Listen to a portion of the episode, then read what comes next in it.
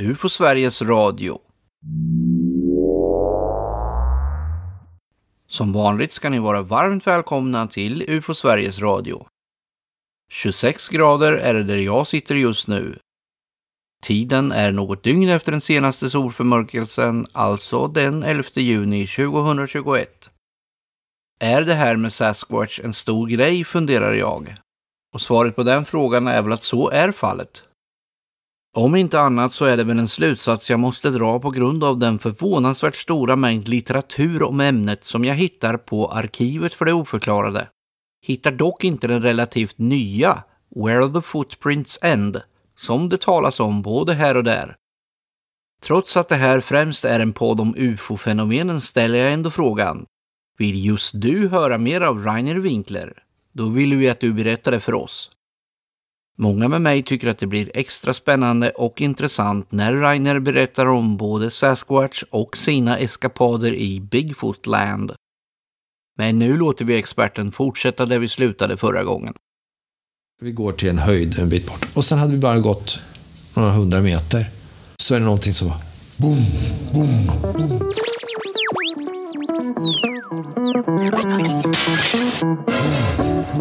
boom, boom.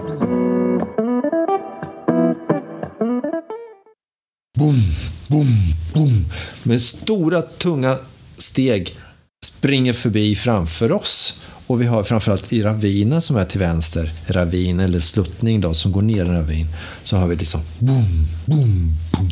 Och Kevin som är jägare och jag, vi bara tittar på varandra och så, that wasn't a deer. Det där var ingen hjort. Därför vi hörde liksom, fan, det var någon, det där var tungt och strömt på två ben, tio meter framför oss. Det var massivt, man kunde räkna Jätte, ut på ljud, jag hörde ju ljudet. tyngden va? Ja. Alltså, boom, boom. Och Alltså, här- frekvensen. ja, frekvensen va. Det är ingen, eh, inget, inget liksom dubbel eller någonting sånt där va. Alternativet skulle vara att det var en hjort som studsade förbi på rumpan eller någonting sånt där va. Då hade vi fått samma. då. Trillar ner. Ja, ja, ungefär ja. Så kan vi inte göra så mycket mer än det då. Liksom, shit alltså, det var ju jättenära. Någon, någonting, vi visste inte vad det var, men alltså, vi fick inte ihop det med den normala bilden. Men inget visuellt. Inget visuellt, dessvärre. Och då bannar jag mig själv att jag tänker så här, varför?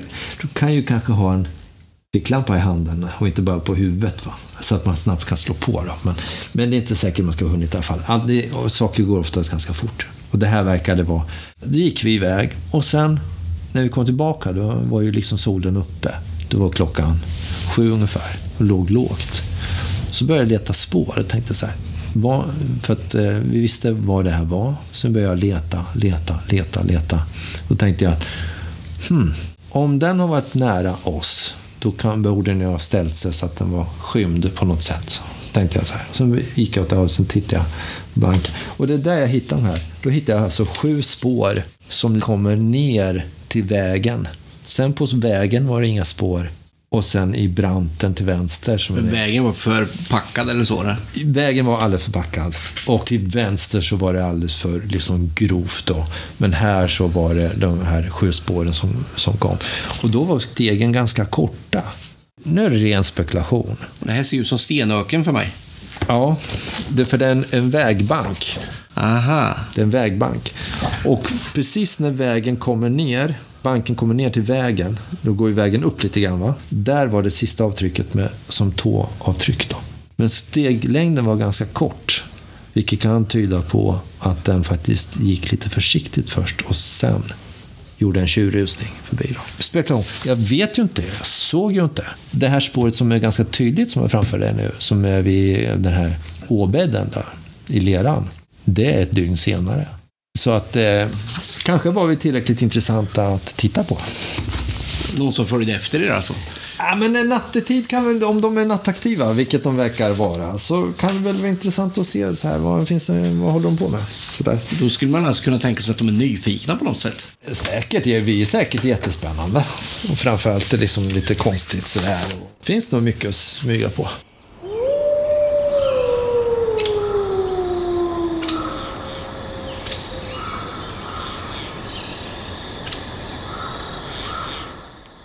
Det här är ett foto som jag fick av en, en, en vän till mig. Det är hennes hand. Och du ser att det är ungefär naturlig storlek och du ser vilket litet spår det här är. Det här är taget i, i slutet på mars och det är ganska kallt då. Och du ser liksom att aha, där har vi en liten individ. Spåren är, det här spåret är inte mycket mer än 13,5 centimeter. Den tycker jag mer ser mänsklig ut med tanke på Ja. informningen här i förhållande till de andra. Absolut. Och det kan nog handla om tyngden, kanske. Ja, det- skulle ju kunna vara ett mänskligt spår, men det är väldigt konstigt i de här områdena att det skulle gå runt barfota barn på flodbankarna. Alltså väldigt avlägsna områden. Aldrig sett några barn där i alla fall. Men så. Så, spåren är ju en sak. Sen finns det handavtryck. Och sen finns det det som man... Eh, det finns ju liksom andra intressanta grejer. Det finns grenar som är vridna. Alltså, om man tänker sig att du tar en bryter en färsk gren från ett trä och sen vrider om den, tar den som en tunnbinda, vrider runt va? Så att den splittar. Sådana finns det ganska. Jag har en vän i British Columbia som har hittat väldigt tydliga. Och de är inte, tänker man så här, ja men det kan vi väl göra. Och problemet är att de här grenarna är 7 centimeter. Så då kan man ju så här, eh, okej, bara testa med att ta 2 centimeter tjock gren och vrida om och se om du orkar splitta med händerna. Alltså, du förstår, som, är, eh, som tusen nålar på armen. Va? Ja, ja. och Den rörelsen tänker jag mig. Men här är grenar som är 7 centimeter grova och sen vrida på det sättet. Vi har bom. Jag har en vän som eh, driver ett projekt som heter The Olympic Project som är också i Washington på Olympic-halvön. Och som startade med att en skogsägare helt enkelt hittade någonting som såg ut som stora fågelbon. Och eh, Derek som han heter och några andra då, kom dit och upptäckte då först sju bon. Mm, och nu- jag har ju bilderna på det där. Och det är jätteintressant därför att det är alltså grenar som är avbrutna. Små grenar, lagda som en bädd. Och sen är det mossa, ungefär 10 cm tjockt alltihopa. Tillräckligt stora för att du och jag ska kunna ligga i dem. Mitt inne i grönskan, långt in, därför att den här skogsägaren helt enkelt gick runt och rekognoserade en avverkning. Och då tog han och gick genom ett område och så plötsligt så hittade han de här i det här, mitt i grönskan, sju stycken. Det intressanta med de här fågelborna, det är att de liknar gorillaövernattningar, alltså legor, en gorillalega. Gorillorna plockar också ihop då grenar och så görs en skön bädd. Schimpanser gör likadant, för schimpanser gör det ofta uppe i träna. De här var på marken.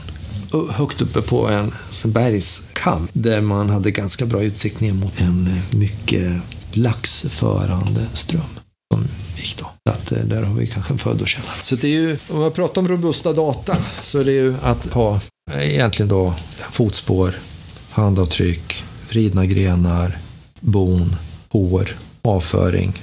Sen är det observationer. Väldigt många. Jag har själv inte sett dem, men Men har man alla de här grejerna? ja, jag har alla de här sakerna. Och de har man gjort massa test på. Ja, problemet är ju med mycket av hår då till exempel att alla hår, om vi inte har hårrötter så kan vi inte få fram DNA. Därför att det finns inte med där. Alla djurarter har inte DNA i sina hår. Så det är ett problem. När det gäller då avföring så har jag själv en vän som själv hittade någonting som såg ut som just människoavföring men som var jätte, jättestort. Sen om man vill plocka med sig det där inte, det är ju upp till en själva. Men i vetenskapen syns det. Men vad man har konstaterat där, det är ju att avföring är knepigt därför att det är väldigt förorenat av, av vad man äter också. Och har man stoppat i sig lite gnagare och kanske någon, någonting annat så har man ju det va. Men det som konstaterades det var liksom att det fanns en parasit, har man konstaterat, i, i den här avföringen. Som inte återfinns hos befolkningen i Nordamerika. Men som faktiskt återfinns hos vissa folk uppe i Asien. Så det är ju lite speciellt. Det är en parasit som är alltså kopplad till homininer. Homininer är alltså vårt Spännande. gäng. Ja, jag har ju med det på min lista. Det står hominidae. Ja, Är jag ute och seglar då? Nej, men det, det, det är ju släktförhållanden. Va? Alltså, om vi tillhör homot, vi, är, vi är ju släktet Homo tillsammans med Det är längre tillbaka i tiden alltså. Ja, men homo, vi heter Homo sapiens. Och sen har du Homo neanderthalensis och Homo floresiensis och erectus och alla- gänget. Va? Alltså det är ju människosläktet Homo. Och sen har du hominide, så är det om vi pratar om, Eh, om släkt och familj och den indelningen. Så det är de här latinska namnen. Så vi pratar om homininer, hominider och så vidare. Va? Det är liksom graden av hur nära man är hos oss. Då, va? Så pratar vi om homininer så har vi med schimpanserna. Är i homininerna. Men de är inte med i hominida. Så att det är liksom, hur långt ska vi dra släktträdet då? Men schimpanser är ju officiellt sett vår närmaste släkting rent genetiskt då. Eh, Sasquatch är de som är närmast. Troligtvis, såvida det inte finns någonting annat i Asien då. Som... Men det är spännande med de här parasiterna då. Mycket. Men det är inte bevis, va? Men det Nej, är en pusselbit. ändå, de- va? Det är en ja. pusselbit. Och just nu så är det så här att eh, vi får inga nya pusselbitar, vi får fler av samma sort. Eh, för det är fler spår och så vidare. Men bilden är, jag skulle kunna säga så här att vi vet egentligen ganska mycket om dem. Vi vet väldigt mycket om dem. Vi vet eh, troligtvis rätt mycket om deras sociala struktur. Vi vet vad de äter. Vi vet ungefär hur de rör sig och så vidare. Eh, så, men vi vet inte vad de är rent släktskapsmässigt. Vi antar, ja, alltså jag antar ju att de är någon split då. Efterföljare till någonting som skulle kunna heta Paranthropus. Efterföljare. Om vi är Australopithecus efterföljare så skulle de kunna vara en split då från något som heter Paranthropus. Det finns många sådana här drag, men det är spekulation. Vi vet ju inte. Men det finns mycket som tyder på det. Men att de skulle ha då överlevt. det alltså, Australopithecus fanns flera arter. Om vi går tillbaka till exempel 4,2 miljoner år. Alltså, schimpanserna och vi splittades. Det, det var inte så att schimpanserna fanns för 6,5 miljoner år sedan. De finns idag. Men våra förfäder och schimpansernas gemensamma förfäder fanns för 6,5 miljoner år sedan. Sen finns det ju ett spår som går till oss människor. Någon gång reser vi oss på två ben. Vi har få fynd. Men det finns lite olika arter va? beskrivna. Där vi börjar få lite tydligt är Australopithecus och det som man kallar för alltså, olika arter inom Australopithecus. Det finns afarensis och så vidare, ett antal. De lever under ganska lång tid. Det är inte så, så att en art ersätter en annan, utan det är ju som så att det här blir som en väv. Alltså att arter uppstår parallellt och sen kanske plötsligt så finns det flera Australopithecus-arter. Det är inte så, så att jaha, plötsligt så försvann de. Vi, levde ju, vi har ju levt parallellt med, alltså Homo sapiens har levt parallellt med Heidelberg och Erectus och så vidare. Va? Men den här splitten då, någon gång så kan vi titta i Afrika så har vi hittat det som heter Paranthropus boisei och Paranthropus robustus. Och det som är intressant och som gör det spåret till en kandidat, det är att Paranthropus, vi har runda huvuden. En gorilla har en ganska, gorilla han har en väldigt toppigt huvud. Det beror på att de har en benkam uppe på gässan där de fäster sina muskler till käkarna. Väldigt kraftfulla. Tittar vi på Australopithecus så har de samma böjda, eller skalle som vi, alltså runda utan fäste. Vi har ganska veka käkar. Eh, vi behöver inte ha så starka käkar. Det hade varit bra mot snarkning. Det är nog så. Ja. Men tittar vi på Paranthropus som då splittar upp, de är att, att eh, de har en benkam och käkpartiet är mycket bredare, tänderna är större. Och här har vi plötsligt en, en split då för några 3,5-3 miljoner år sedan. Nu har vi inte jättemånga fynd. Men det här med att lämna Afrika, det har hänt ett antal gånger, ett antal vågor. Det är inte liksom bara att vi har lämnat, utan våra förfäder har också lämnat. Vi har ju Java-människan, eh, Pekingmänniska, alltså Homo erectus och lite olika, va? och Georgien och så vidare. Vi har inga fynd av Paranthropus som är särskilt eh, några, men på samma sätt som vi utvecklades i vår riktning så är det ju en möjlighet, rent spekulation nu, en möjlighet att Paranthropus också utvecklades och lämnade Afrika till någonting. För att det troliga är ju att det här med tvåbenthet, att gå på två ben, alltså det som kallas för bipedalism, biped, att gå på två ben, att det kanske evolutionärt sett egentligen bara har hänt en gång, inte två gånger. Och då är det liksom troligt att ah, men det är någon släkting där, men det verkar inte vara vår, liksom i lin- vår linje. Därför de är alldeles, de har en helt annan konstitution. De är mycket mer robusta. De är så otroligt musklade och breda. Och vi har alltid varit spänsliga. Vi har varit spänsliga i 3,5 miljoner år. Även neandertalarna var relativt spänsliga jämfört med Sasquatch. Vi har förlitat oss på hjärnan istället för på musklerna. Ja, hjärnan, språket och samarbetet. En ensam människa är inte mycket att ha, men en människa i grupp är farlig. Sasquatch verkar vara, ses ofta, oftast ensam. Jag har pratat med de som har sett fyra samtidigt. Av olika kön och åldrar och så vidare. Va? Men det är ju väldigt sällan vi ser liksom... Ja, någon gång måste de ju träffa varandra. Ja, Annars blir de ju inte fler. Ja, just det. Men schimpanser kan vara i flockar på 100 individer. Och där har vi en alfahanne som liksom är kanske 40 bast och som bestämmer. Eh, en gorillafamiljegrupp är kanske mellan 8 och 15 individer. Och där har han ett harem. Människor har inte harem. Eh, där, här har vi någonting annat. Vi har en, som mer en familjebildning, en större, större grupp. För vi lever ju alltid i stora grupper. Som är kanske en slags utsträckning av vår släkt. Va? Och så verkar det inte vara med Sasquatch. Därför att det verkar vara liksom färre individer. Men det troliga är väl att de rör sig över stora områden och möter varandra i alla fall.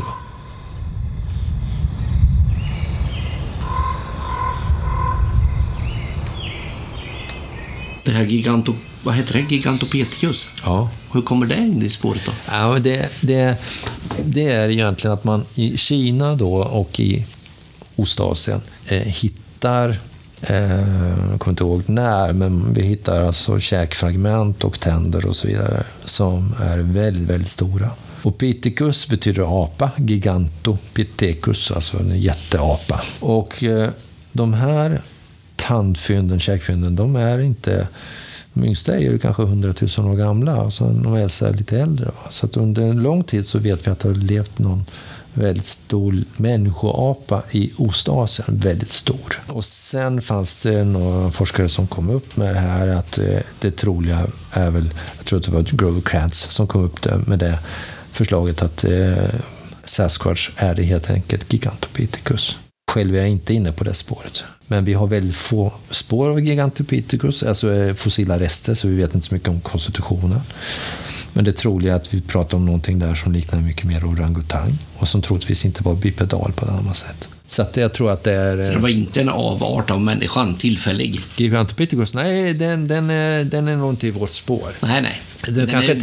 längre bort, kanske om man pratar så här, pratar vi splittar så är ju schimpansen då 6,5 och sen och gorillan är kanske några miljoner år innan och splitten till orangutang är kanske 10 miljoner år bort. Så att det, eller ännu mer. Så att, men den är populär att nämna i, i litteraturen? Ja, men inte så mycket idag.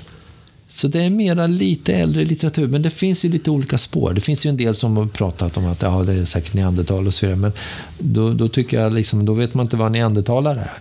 För det är liksom ett felspår. Neandertalare var avancerade, hade mycket avancerad redskapstillverkning och så vidare och har en helt annan konstitution än vad, har liksom inte det här toppiga huvudet någonting. Här, här har vi någonting som, som jag inte tror är Gigantopithecus eller någonting annat utan det är, det är nog något som vi inte har fossila fynd av heller. Men det troliga är nog att det är, jag tror, men det är bara det bara, det, om jag, jag tror ju inte på Sasquatch, jag vet ju att de finns. Men jag tror däremot att det är någon slags efterföljare till Paranthropus. Så, om vi säger att vi är efterföljare till Australopithecus. Så vi, på något sätt är vi väl kusiner, men vi är inte bro, brorsor.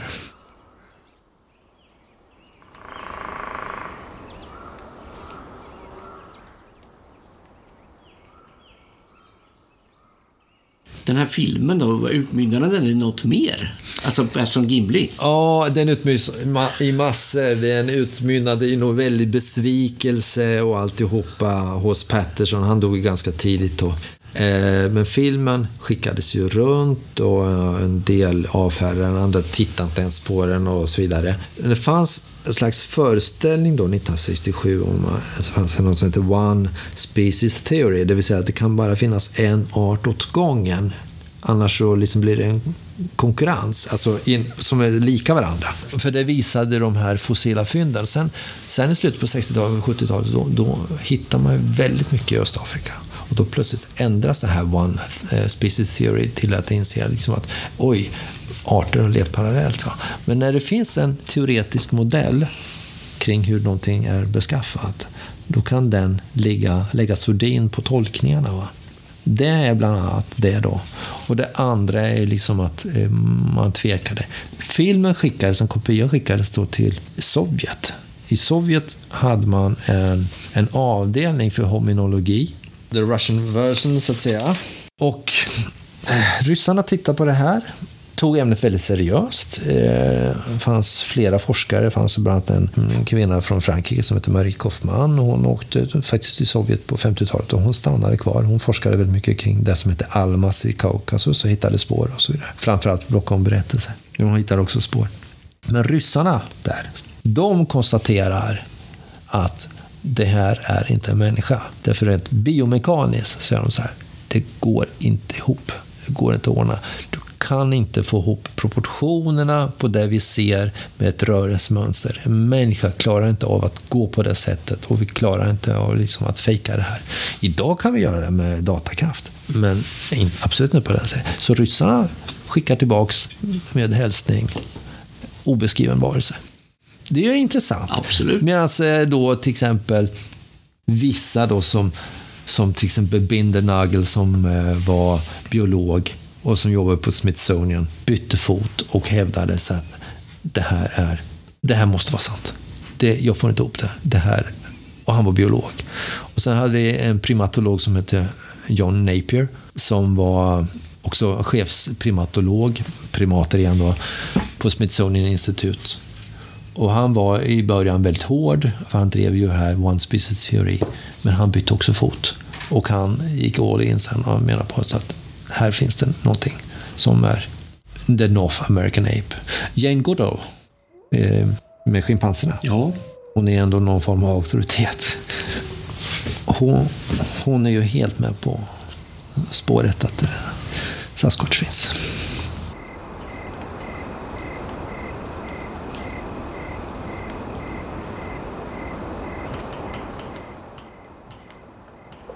Men vi är inte i mål än, väl? Nej, men vi är ju inte i mål förrän vi, vi har eh, tillräckligt starka data. Och datan är ju som tillbaka till kropp eller ja, den dagen vi olyckligtvis hittar en påkörd Sasquatchung eller någonting.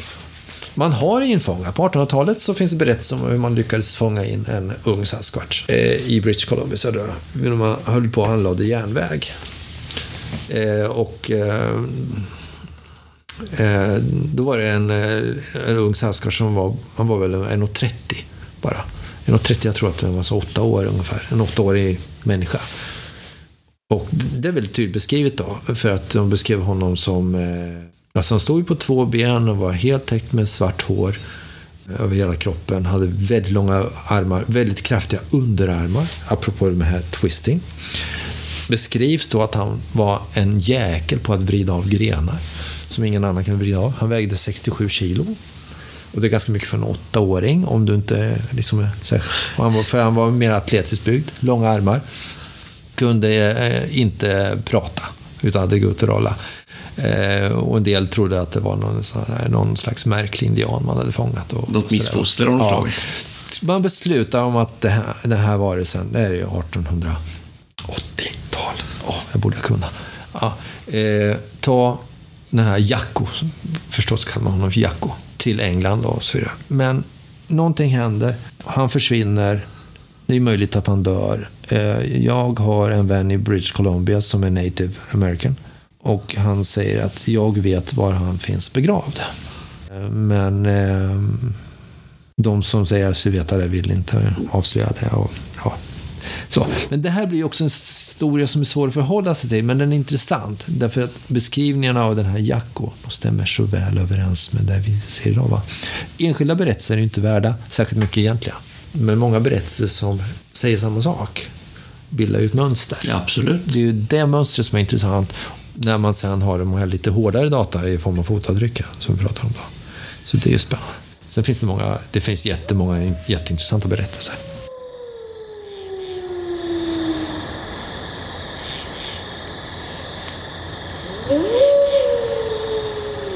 Jag har en vän som, eh, när han var grabb så var han ute och jagade med sin pappa. Han var väl 16 år. Och berättade han sin första upplevelse. Det här är 60-tal då. Kevin blev senare spanare inom amerikanska armén. Han är officer. Väldigt sansad, väldigt vänlig och eh, som jag upplever trovärdig. Han har aldrig liksom spekulerat eller någonting sånt där inte heller ute efter att, någon sensation. Jag fick ju höra om hans berättelse av någon annan, en kompis till honom. Och därför så vände jag mig till Kevin och sa att du har lust att berätta den här eh, upplevelsen. Så här. Och då sa han att han var 16 år.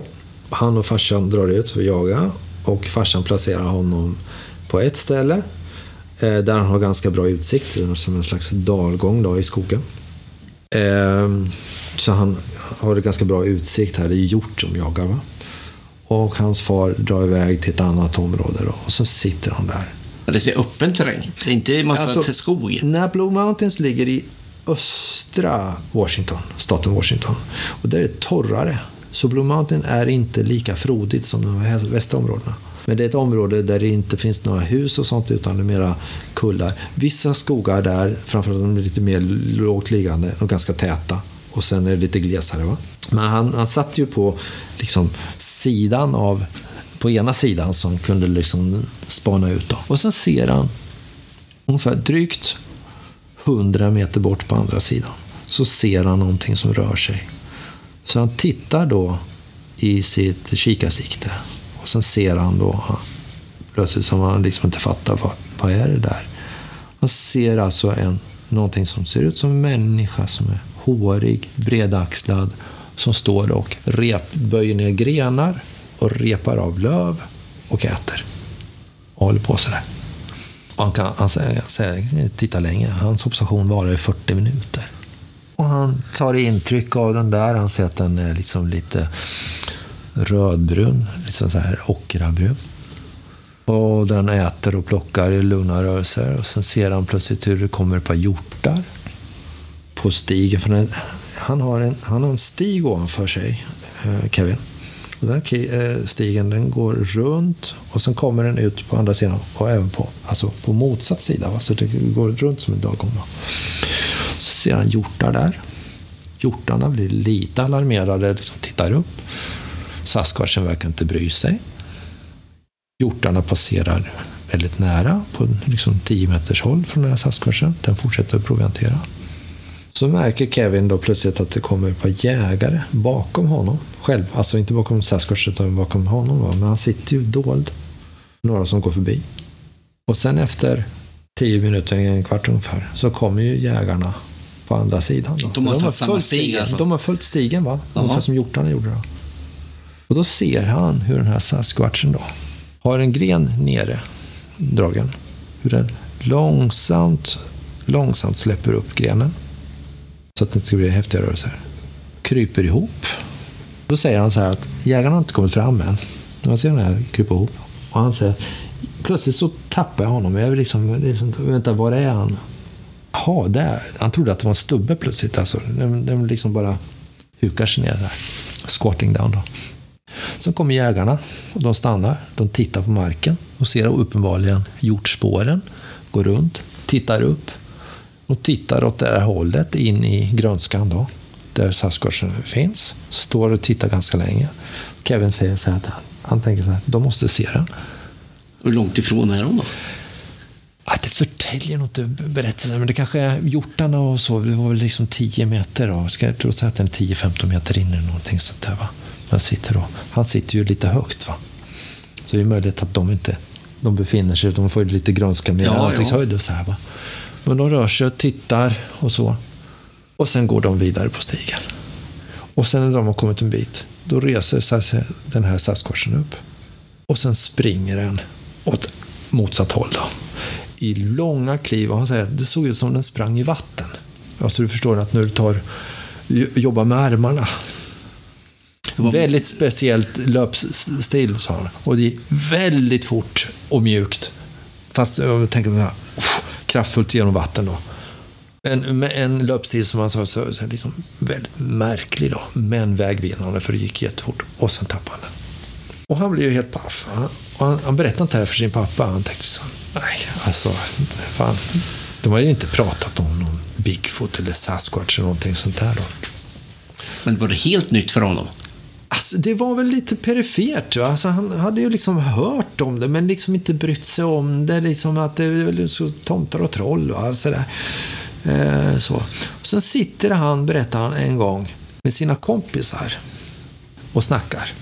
Och då berättar Kevin för sina kompisar om sin upplevelse. Och ser inte då att farsan kommer in och råkar stå bakom och lyssnar. Upptäcker det efter ett tag då. Farsan säger ingenting. Sen är de ute och jagar. Men hade han velat hålla det hemligt eller vadå? Han ville inte berätta. Han tyckte väl Nej, liksom nej. så här, va? Eh, Han sa inte anledningen egentligen, men sådär, men kändes väl lite så här. Men för kompisarna vill droppa han det i alla fall. Och sen säger han så här. Nästa gång vi var ute och jagar då, så sitter jag och min far och farsans kompisar. Som då är i 40, 45, 50 års åldern. Runt en eld. Och som berättar om jakthistorier. Och sen säger farsan så här. Kevin, du kan väl berätta om den där eh, Sasquatchen du såg förra månaden. Och sen blev det stort garv från alla. Och Kevin sa så här. Den dagen slutade jag jaga med min pappa. Det tog 20 år innan jag förlät honom. Han sa så här, jag har aldrig känt mig så förödmjukad och förlöjligad. Förstod farsan som det? Nej, det kanske han förstod 20-25 år senare. Va? Det är inte alltid Ja. fäder är så förstående. Nej. och där tycker jag liksom, där är så sammanfattat, för att Kevin drar så många detaljer i det som berättas som jag inte drog nu då. För han säger så här, hur tummen användes, hur han tog löven, så att säga. Va? Att han inte repade liksom bladen på det sätt vi skulle repa. Alltså tu- tummen var inte med i det arbetet och så vidare. Va? Hur hjortarna rörde sig och agerade och så här. Och det här med liksom det här med det sitter hårt inne. Idag så berättar ju Kevin om det här, men idag är han ju en man i 65-70 års åldern som har ett helt annat självförtroende. Så att eh, det sitter hårt inne, även hos en amerikansk officer. Jaha, Mm. ja. Nej, jag ser många paralleller med ufo-berättelser. Ja, Absolut. förstår jag. Mm. Att, att de, är, eh, att de är svåra att berätta om och prata om. Mm. Och att det tar lång tid innan de kommer till ytan. Jag brukar eh, ibland, eller brukar, men eh, ibland så drar jag om det här om Sasquatch och tankar och min erfarenhet för mina studenter just när jag har vetenskapsmetodik.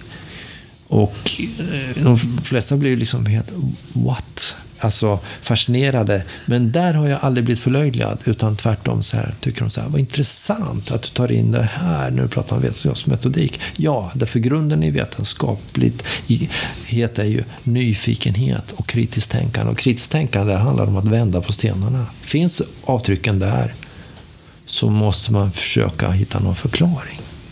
Och finns allting det här ihop, allt material ihop, allting som vi pratar om det här med native stories, berättelser 1700-1800-talet, 1900-talet, idag, fotspår, alltihopa, egna upplevelser.